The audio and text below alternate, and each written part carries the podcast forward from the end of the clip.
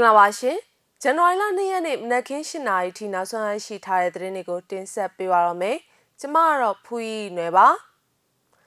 ဝက်လက်မြို့နယ်ရှေ့ပိုင်းကတိုက်ပွဲမှာအကြဆုံးများပြီးတဲ့နောက်စစ်တပ်ကကြေးရွာကိုရဟတ်ရင်နဲ့လာရောက်ပစ်ခတ်ခဲ့ပါတယ်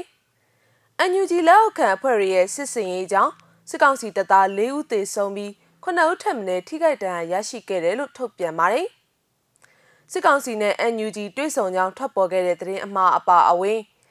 နှစ်သက်ကိုလည်းကြိုဖက်စစ်ကိုလည်းဖြိုမဲ့ရာတော်ညနေခင်းတပိတ်စစ်ကြောင်းရုပ်တံကိုလည်းတင်ဆက်ပေးဖို့ရှိပါတယ်။ဦးဆုံးသတင်းတစ်ပုတ်အနေနဲ့စကိုင်းတိုင်းဝက်လက်မြို့နယ်ဖျားလေးကုန်းကြီးရွာမှာစစ်တပ်ကလာရောက်တက်ဆွဲချိန်ဒေသခံပြည်သူ့ကာကွယ်ရေးတပ်တွေနဲ့တိုက်ပွဲဖြစ်ပွားခဲ့ပြီးတဲ့နောက်စစ်ကောင်စီတပ်သားတွေဟာကြီးရွာအတွင်းကနေရင်တချို့ကိုမီးရှို့ခဲ့တယ်လို့ဇန်နဝါရီလ၁ရက်နေ့ညနေပိုင်းမှာစစ်တပ်ရဟတ်ရင်နဲ့လာရောက်ပစ်ခတ်မှုတွေပြုလုပ်ခဲ့လို့သိရပါတယ်။ရှိမကားကြီးရွာရဲ့အနောက်ဘက်ဗျူဟာလမ်းနောက်မှာ တစ်စိန်ကြီးရွာစခန်းမှုကမိုင်းဆွဲခံရပြီးစခန်းမှုအပါအဝင်9ဦးသေဆုံးပြီးတဲ့နောက်မှာရှိမကားကြီးရွာမှာစစ်တပ်ကလာရောက်တက်ဆွဲခဲ့တာပါ။အဲ့ဒီစစ်တပ်ကပဲရှိမကားကြီးရွာမြောက်ဘက်ရှိဖျားလေးကုန်းရွာကိုဒီဇင်ဘာလ31ရက်နေ့ကပြောင်းရွှေ့တက်ဆွဲခဲ့ရမှာဒေသခံကာကွယ်ရေးတပ်ဖွဲ့တွေကပိတ်ဆို့တိုက်ခိုက်ခဲ့တာဖြစ်ပါတယ်။တက်နေရပြောင်းပြီးလာဆွဲတာဒီဘက်မှာရှိတဲ့ပြည်သူ့ကာကွယ်ရေးအဖွဲ့တွေအကုန်ဝိုင်းတိုက်ကြတယ်စစ်တပ်ဘက်ကအထိခိုက်ကြဆုံးများတယ်လို့ ဒေသခံပြည်သူ့ကာကွယ်ရေးတပ်ဖွဲ့ဝင်တဦးကပြောပါတယ်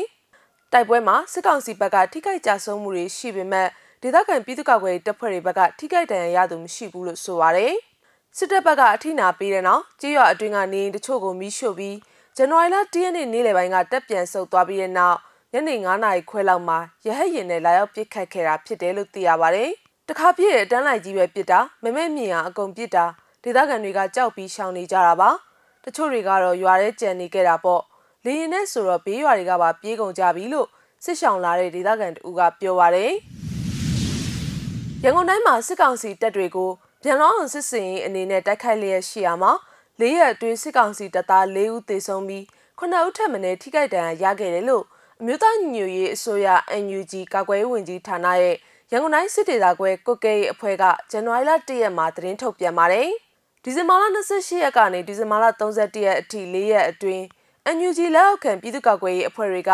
စစ်ကောင်စီအဖွဲ့ဝင်တွေကိုစစ်ရေးအရာတုံ့ပြန်တိုက်ခိုက်ခဲ့တာပါ။ရွှေပြည်သာမြို့နယ်လှော်ကားတာဆုံအနီးရှိစစ်ကောင်စီရဲ့ရင်ထိန်ရဲစခန်းကိုဒီဇင်ဘာလ31ရက်မနက်ပိုင်းမှာရွှေတကုံ PF တပ်ဖွဲ့ဝင်တွေကလက်ပစ်ပုံးတွေနဲ့တိုက်ခိုက်ခဲ့ရမှာစစ်ကောင်စီတပ်သားတအူးသေဆုံးပြီးတချို့ဒဏ်ရာရရှိခဲ့တယ်လို့သိရပါဗျ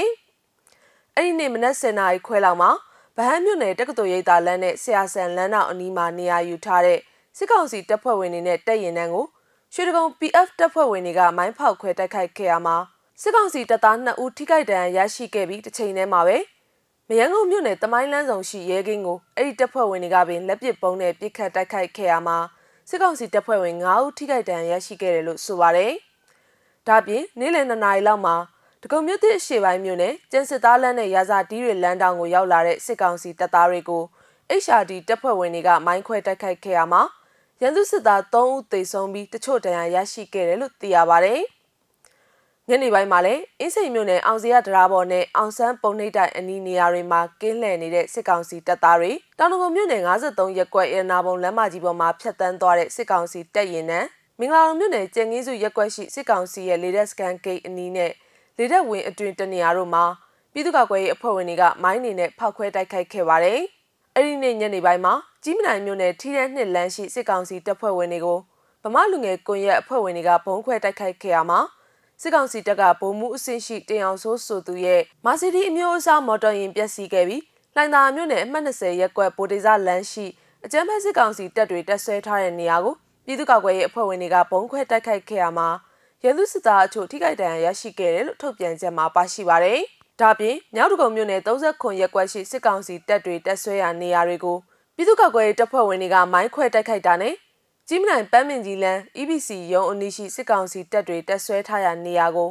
YUG အဖွဲ့ဝင်တွေကမိုင်းတွေဖောက်ခွဲတိုက်ခိုက်တာတွေလှုပ်ဆောင်ခဲ့တယ်လို့လည်းသိရပါဗျ။တောင်မွေမြို့နယ်တောင်မွေဈေးအနီးရှိစစ်ကောင်စီတပ်သားတွေထိန်းချုပ်အုံပြုလျက်ရှိတဲ့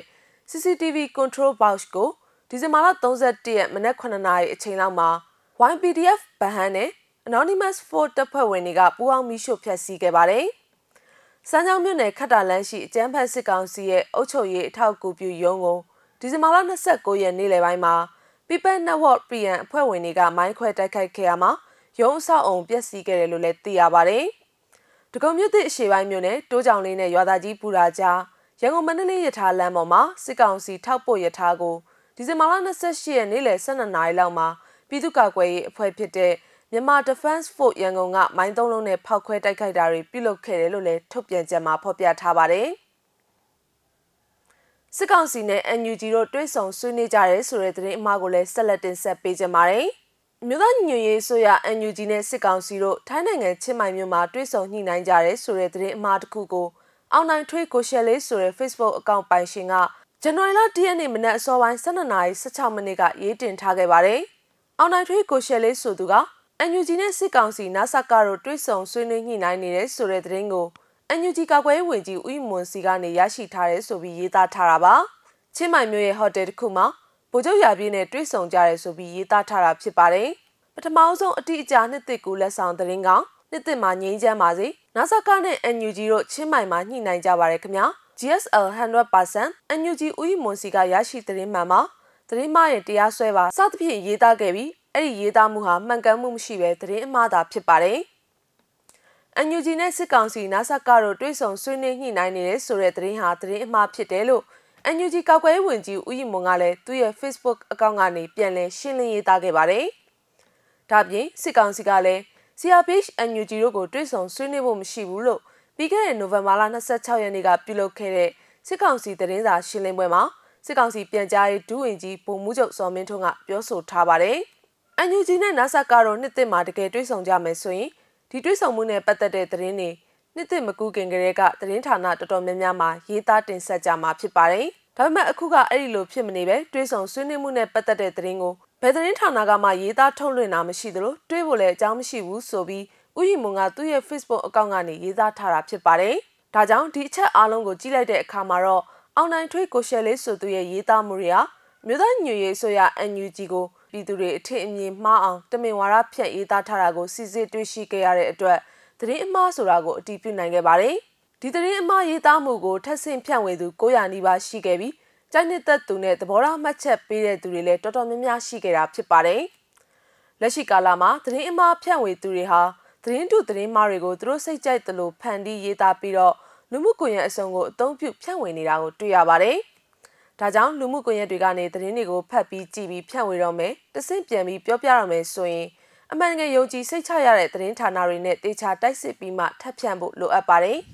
။နောက်ဆုံးအနေနဲ့နှစ်သက်ကိုလည်းကြိုဖတ်စစ်ကိုလည်းဖြုံမဲ့အရာတော်ညနေခင်းတပိတ်စစ်ကြောင်းကိုဇန်နဝါရီလ၁ရက်ညနေပိုင်းကပြုလုပ်ခဲ့တဲ့ရုပ်သံကိုဖွင့်ပြခြင်းပါတယ်။ဒီ တိုင်းကဘောင်းဒီတိုင်းကတော့ပြည်သူတွေညီရလားဟဲ့ညီရဟဲ့ညီရဟဲ့တော်ပြည်သူတွေညီရလားဟဲ့ညီရဟဲ့